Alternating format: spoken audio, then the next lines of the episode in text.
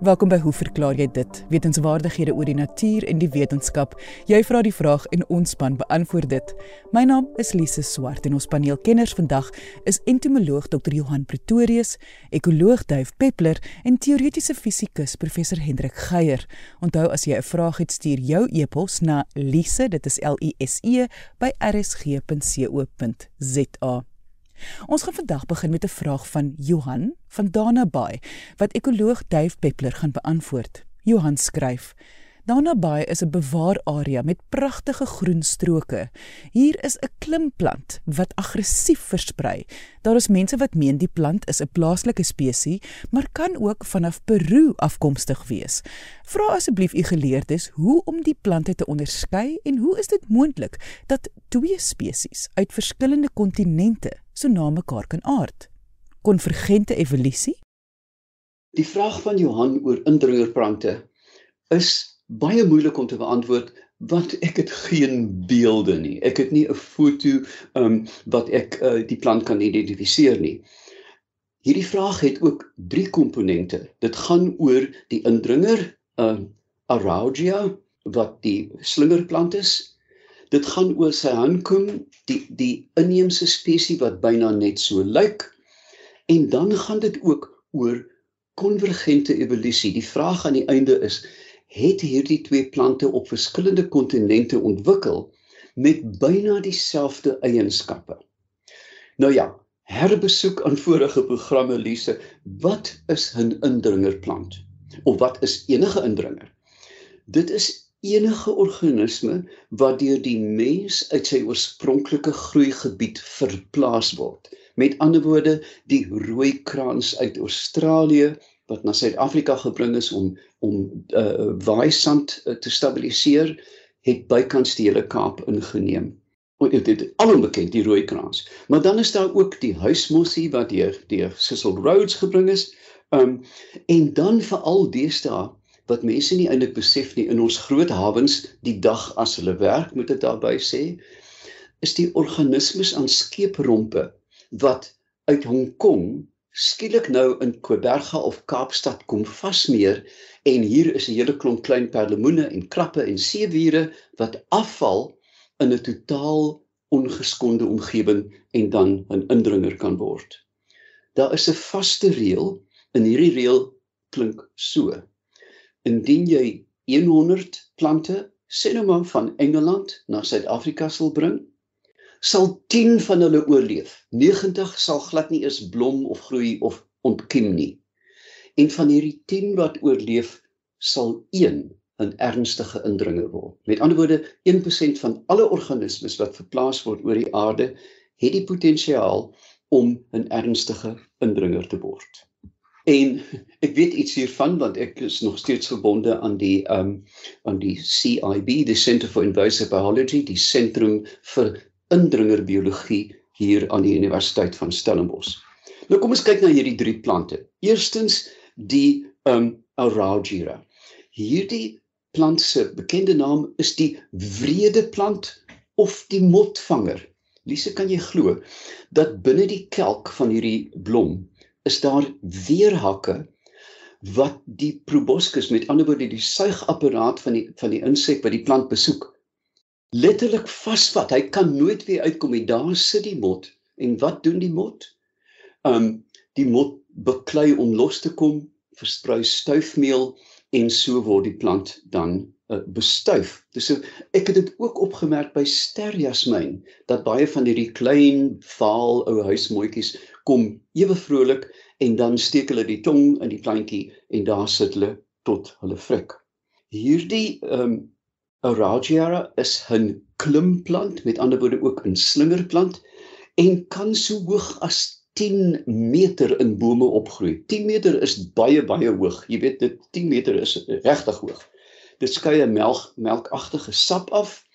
Dit het genadiglik redelike vlak wortels, sterk gegeurde blomme en dis heel moontlik die rede hoekom die plant ingebring is as gevolg van hierdie glorieryke reuk veral in die aande en dit is ook natuurlike voedselplant vir ander skoennappers, inheemse skoennappers. So mense het dit onskuldig aangeplant as suurplant en ook as voedselplant vir skoennappers.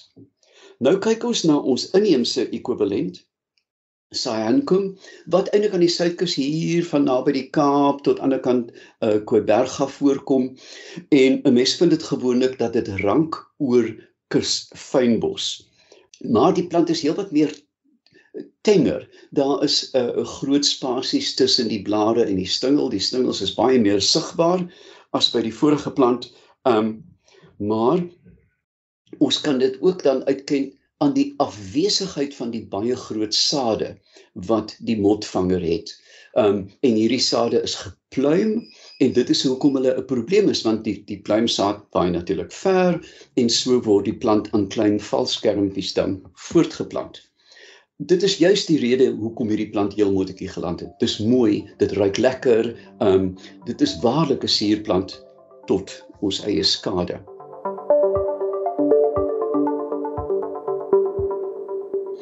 Nou dus die twee plante, ongelukkig kan ek nie onderskei sonder 'n foto nie, maar die vraag betrek ook konvergente evolusie. Hemellisse, weet jy as jy dink dat die aarde bitter bitter oud is. Nou die wetenskaplikes sê vir my die aarde is 4,543 plus of minus 50 miljoen jaar miljard jaar oud. Die aarde is dan 4,5 miljard jaar oud. Meeste van ons weet en verstaan dat sê net maar 250 miljoen jaar gelede was daar net een superkontinent, Pangea, Pangea. Hierdie was 'n groot stuk land wat letterlik op die mantel van die aarde dryf. Met ander woorde, die klippe om ons, Tafelberg, die Karoo se klippe is eintlik in geologiese terme vloeibaar. Net soos die Indië deesdae opdryf teen die Himalajas, ek dink is 2.5 cm per jaar, beweeg Indië noord, kan jy dit glo? Maar dit beteken ook dat gegee die die die oerouderdom van die aarde en die baie onlangse ontwikkeling van ons kontinente, dat dit heel moontlik 'n hele paar maal in die geskiedenis reeds gebeur het. Hulle het weggedryf, saamgedryf, weggedryf. Ons is slegs in die huidige siklus. Nou, ehm um, dit hierdie klink 'n bietjie vreemd. Jy weet, het die aarde heen en weer gedryf hierdie kontinente? Die antwoord is duidelik ja. Ons kan dit baie maklik bepaal dat dit wel die geval is dat hulle uitmekaar gedryf het. As ons kyk hoe mooi die kontinente in mekaar pas. Die pragtige pas van Suid-Amerika hier in die in die oksel van Afrika aan die aan die weste kant. Um duidelik was hulle eers verbind. Maar as 'n mens kyk na die lyngedrewe fossiele rekord van die voorskeiding Pangea, dan kan ons sien dat hierdie identiese fossiele het dan geskei en verder ontwikkel op die verskillende kontinente. Dit beteken ook dat hoër klas diere, hoefdiere um en werweldiere het op hierdie diskrete eilande, wel dis nie diskreet nie, dis verskriklik groot. Maar kyk as byvoorbeeld aan die Suid-Amerikaanse muurvreter en ons aardvark. Lyk hulle baie na mekaar, een het baie minder hare, maar hulle doen presies dieselfde ding, die lang snoet, die groot ore, die die uh klewerige tong. Um ons kyk na die armadillo in Suid-Amerika, ons kyk na ons Itemagog. Dit is nie naaste by verwant nie, maar het soortgelyk ontwikkel. Um dis eintlik absoluut boeiend. Dieselfde gaan met plante. Ek was in Chile uh jare gelede en by 'n padsnit sê sien ek ons gewone suurvy. Ha, sê ek. Julle het dit by ons gesteel want ons gebruik dit ook as 'n plant om uh grond te stabiliseer. Nee sê hulle vir my, dit is die Chilensis spesies. Met ander woorde dat die plant het reeds bestaan 200 miljoen jaar gelede toe die kontinente geskei het, maar het dan onafhanklik ontwikkel absoluut in isolasie. So Johan, My eerste versoek aan jou stuur asseblief vir ons 'n foto, dan kan ek in 'n 'n vervolgprogram um bevestig uh, dat wat 'n plant dit is en hooplik is my antwoord dan een van nie noodwendig identifikasie nie, maar een van konteks. En dit was ekoloog Duif Peppler. Letitia Levinia van Willowmore in die Oos-Kaap het vir ons foto's ingestuur van 'n en dit is nou my opinie, bitter onaantreklike insek en sy wil weet wat is dit? Entomoloog Dr. Johan Pretorius gaan dit vir ons identifiseer. Onthou, hierdie foto's is beskikbaar op RSG se webwerf. Môre Elise, kollegas en luisteraars. Die pragtige insek wat Letisa afgeneem het is iets wat seker wat ek seker is baie van die luisteraars al kennis mee gemaak het. 'n uh, sogenaamde dikpens of koringkriek. En dit lyk omtrent soos 'n gedrag uit die oertyd met 'n lang bene en gepantserde lywe wat dikwels met skerp stekels toegerus is. Nou Letisa se oorspronklike gedagte dat dit 'n tipe sprinkaan kon wees is nie ver af nie want alle sprinkaan families tesame met al die kriekfamilies word almal in een hoofgroepering of insekorde die Orthoptera geklassifiseer. En een van die kenmerke van krieke en sprinkane is natuurlik al vermoë om met behulp van die spesiaal aangepaste agterbene te kan spring. Maar by koringkrieke soos by sommige ander lede van hierdie orde is hulle egter maar swak springers. Koringkrieke is oor die algemeen bonkige groot insekte wat wissel van so tussen 3 tot 5 cm in lengte. Hulle is endemies tot Afrika en dit is maar 'n taamlike klein subfamilie in terme van die totale aantal spesies seker so in die omgewing van 14 spesies in Suidelike Afrika. En hulle veral volop in die droër dele van Suid-Afrika, hoewel ultaamlik wyd versprei voorkom. Ehm um, koringkrieke is meestal snags aktief, maar hul grootte maak hulle opsigtelik as hulle bedags in bosse skuil en rondkruip of as hulle nie beweeg is op soek na kos. Hulle is vlugloos, so hulle kan nie van gevaar wegvlieg nie Maar as jy een met jou kaal hande sou vang, kan jy dalk spyt wees. En dit is omdat hulle 'n beskermende vloeistof deur poree in die toraks afskei en hulle kan ook refleks bloei. Met ander woorde, die onsmaaklike hemolimf word deur spesiale swak plekke in die nate van die eksoskelet uitgeforseer na buite. Mens kan dit sê hulle kan na willekeur bloei. En Lisa asof dit nie genoeg is nie, kan hulle ook die maaginhoud opbring en dan het hulle ook nog sterk kake om mee te byt. En al hierdie meganismes tesame met die stekels op die lyf het natuurlik 'n beskermende rol teen predatore. Maar daar is tog sekere klein karnivore soos jakkalse en selfs sommige voëls en akedisse wat dit wel reg kry om op koringkrieke te prooi. Nou, hoewel koringkrieke vlugloos is, het hul klein rudimentêre oorblyfsels van die voorvlerke of tegmine wat versteek onder die toraks is. En al gebruik hierdie stompies vir vlerke om soos ander krieke te striduleer om klanke voort te bring, by die nagaktiewe spesies sal die mannetjies dan ook saam sing. Hierdie insekte is oorwegend herbivore, maar hulle sal ook graag dieremateriaal vreet, veral as hul proteïenbehoeftes hoog raak.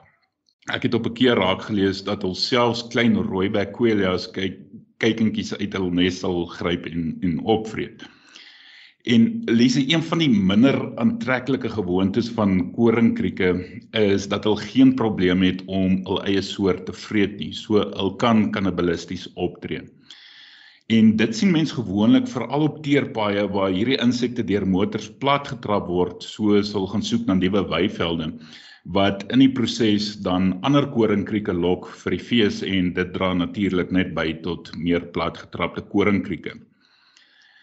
Wyfie koringkrieke lê al eiers wat relatief groot is in in klein groepies in die grond en die nimfe wat uitbroei lyk soos miniatuurweergawe van die volwassenes.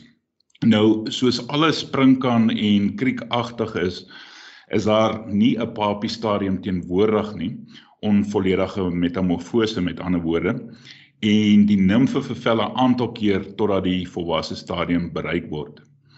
So lees net ter afsluiting, dit is bekend dat tydens groot uitbrake sekere spesies koringkrieke 'n plaag van gewasse soos byvoorbeeld sorghum kan wees, aangesien al lief is vir grassade. Letitia, dankie vir 'n lekker stel foto's van hierdie unieke Afrika insekte. Maar dokter Pretorius, is dit waar dat die koringkriek en die Parktown prawn familie is? Lise nee, die die Parktown prawn is ook 'n tipe kriek, maar hy behoort aan 'n heel ander familie.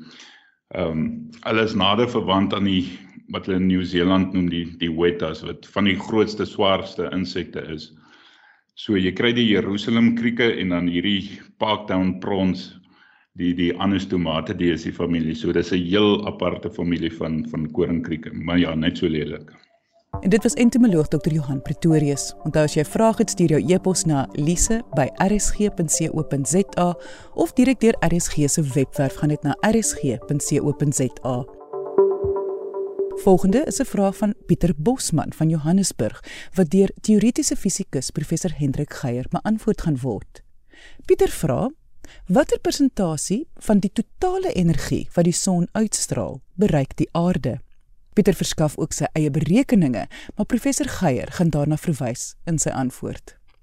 So, die vraag oor watter persentasie van die totale energie wat die son uitstraal hier by die aarde aankom, is natuurlik meer 'n wiskundige vraag as 'n fisika vraag, want tereg sê Pieter wat jy moet weet is hoe ver is die aarde van die son af? En as jy nou dit eers weet, dan moet jy aanneem die son straal nou eweredig sy straling in alle rigtings uit.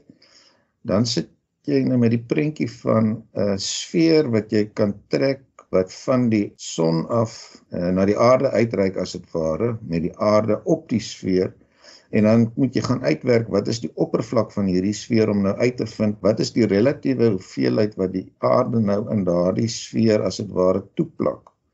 So om nou syfers hier in te sit uh, soos wat Pieter gedoen het en terloops uh, hy praat hier van 'n afstand van 149 000 miljoen kilometer. Ek ek weet nie of of hy die die syfer verkeerd gehad het of die kilometer neergeskryf het in plaas van meter nie. Die die afstand is omtrent 149 miljoen kilometer. In in die in die ou eenhede het mense dit relatief maklik onthou. 93 miljoen myl in kilometer min of meer 150 uh, miljoen kilometer en terloops daardie afstand die sogenaamde astronomiese afstand wat die gemiddelde afstand tussen die aarde en die son is word deesdae tot op die laaste kilometer aangegee En die rede is dit word die astronomiese eenheid word nou gedefinieer as 14959787070 meter.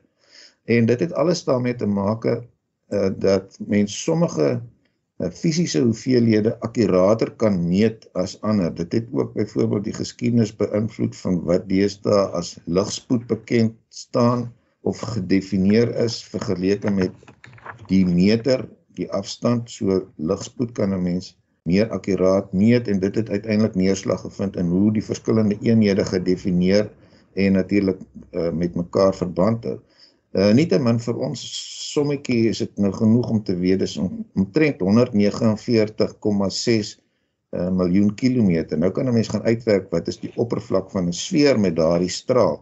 Pieter sê hy hy as jy nou die sommetjie gaan maak, moet jy die helfte van die oppervlak van die aarde dan as 'n breekdeel van hierdie sfeer se oppervlak uitdruk.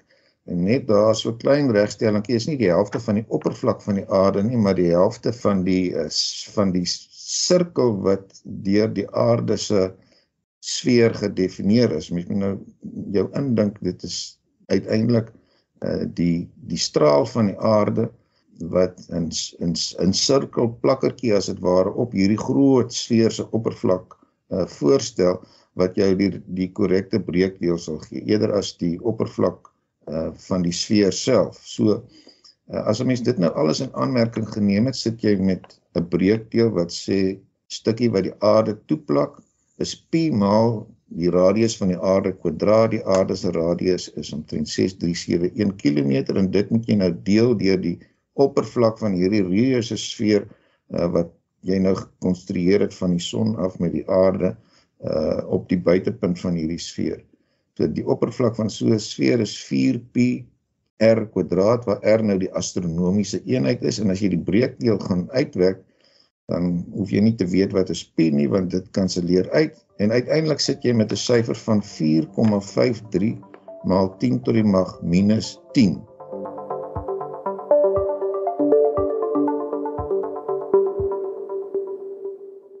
Nou Pieter het gesê dit lyk vir hom of hierdie syfer so tussen 1 en 2 miljardstes is.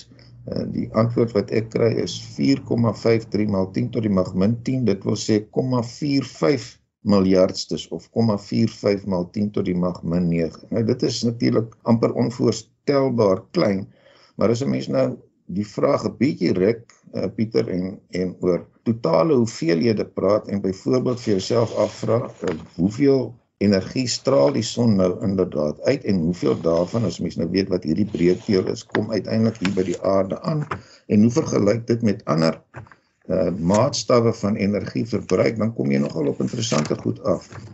So het ek byvoorbeeld uh agtergekom dat die die aarde se energieverbruik per jaar word op die oomblik geraam op 580 miljoen terajoule. Nou weer eens terra is 10 tot die mag 12 'n mens kan dit nou gaan uitdruk as 580 maal 10 tot die mag 18 joule. En hierdie soort syfer word wanneer jy met sulke groot syfers werk, dikwels uitgedruk in terme van metrieke ton olie ekwivalent. Ehm um, dit gee jou 'n aanduiding van hoeveel olie moet jy nou verbrand om daai hoeveelheid energie in die hande te kry. En die antwoord in hierdie geval is uh, 138 ekskuus 13 13,8 1000 miljoen ton olie ekwivalent. So is alles reusagtige syfers om dit effens beter in perspektief te, te stel. Uh hierdie is nou 'n syfer vir die energieverbruik van die aarde per jaar 5, uh, 580 maal 10 tot die mag 18 joule. Dit is ekwivalent aan die hoeveelheid energie wat deur die Hiroshima bom vrygestel is elke 4 sekondes vir die duur van van die hele jaar waaroor ons nou hierdie energieverbruik gemeet het. So as 'n mens nou die energieverbruik wil uitdruk as 'n drywing joule per sekonde of wat, met ander woorde jy sê nou 580 maal 10 tot die mag 18 joule oor 'n jaar versprei, dit gee vir jou 1,84 maal 10 tot die mag 13 watt. As ons nou teruggaan na die sommetjie wat ons gemaak het, eh, dan lees 'n mens dat die die son se straling is nou in alle rigtings natuurlik omtrent 3,8 maal 10 tot die mag 26 watt. En ons weet nou watter breekdeel daarvan hier by die aarde aankom. Ons het nou nou net gesê dit is omtrent uh, 4,5 maal 10 tot die mag min 10 is die breekdeel. So as 'n mens nou gaan uitwerk hoeveel dit in absolute terme is, terme is, dan kom jy agter dis 1,7 maal 10 tot die mag 17 watt. So ons het nou pas gesê die aarde se energieverbruik op die oomblik is 1,8 maal 10 tot die mag 13 wat van die son af hier aankom is 1,7 maal 10 tot die mag 17 so omtrent 'n faktor 10000 meer nou al daai energie beland natuurlik nie op die aardoppervlak nie mens lees dat omtrent 30% word weerkaats van die atmosfeer en van wolke maar nietemin sê dit vir jou dat die son eintlik baie baie meer energie aan ons verskaf as wat ons wat ons hoegenaamd nodig het. Uh ten minste as mense teen die huidige tempo meet. Ehm um, mense lees byvoorbeeld dat sedert 2000 het die uh, totale energieverbruik alreeds met meer as 30% toegeneem. So dit kan natuurlik ook nie onbeperk toeneem nie, maar nietemin uh die slotsom is dat die son meer as genoeg energie verskaf as ons maniere kry om dit alles uiteindelik in te span. So dankie Pieter vir 'n interessante vraag. Ek ek ek hoop die die bietjie borduur op jou vraag uh het ook te maak met hoekom jy dalk in die eerste plek hieroor gewonder het. Uh maar uh, dit plaas die hele kwessie van sonenergie dink ek nogal goed in perspektief. En dit was teoretiese fisikus professor Hendrik Geier. Ek sê baie dankie aan ons kinders en vraagstellers vandag. Onthou om altyd nuuskierig te bly en vrae te vra. Tot volgende week hier op RSG saam met my, Lise Swart. seeds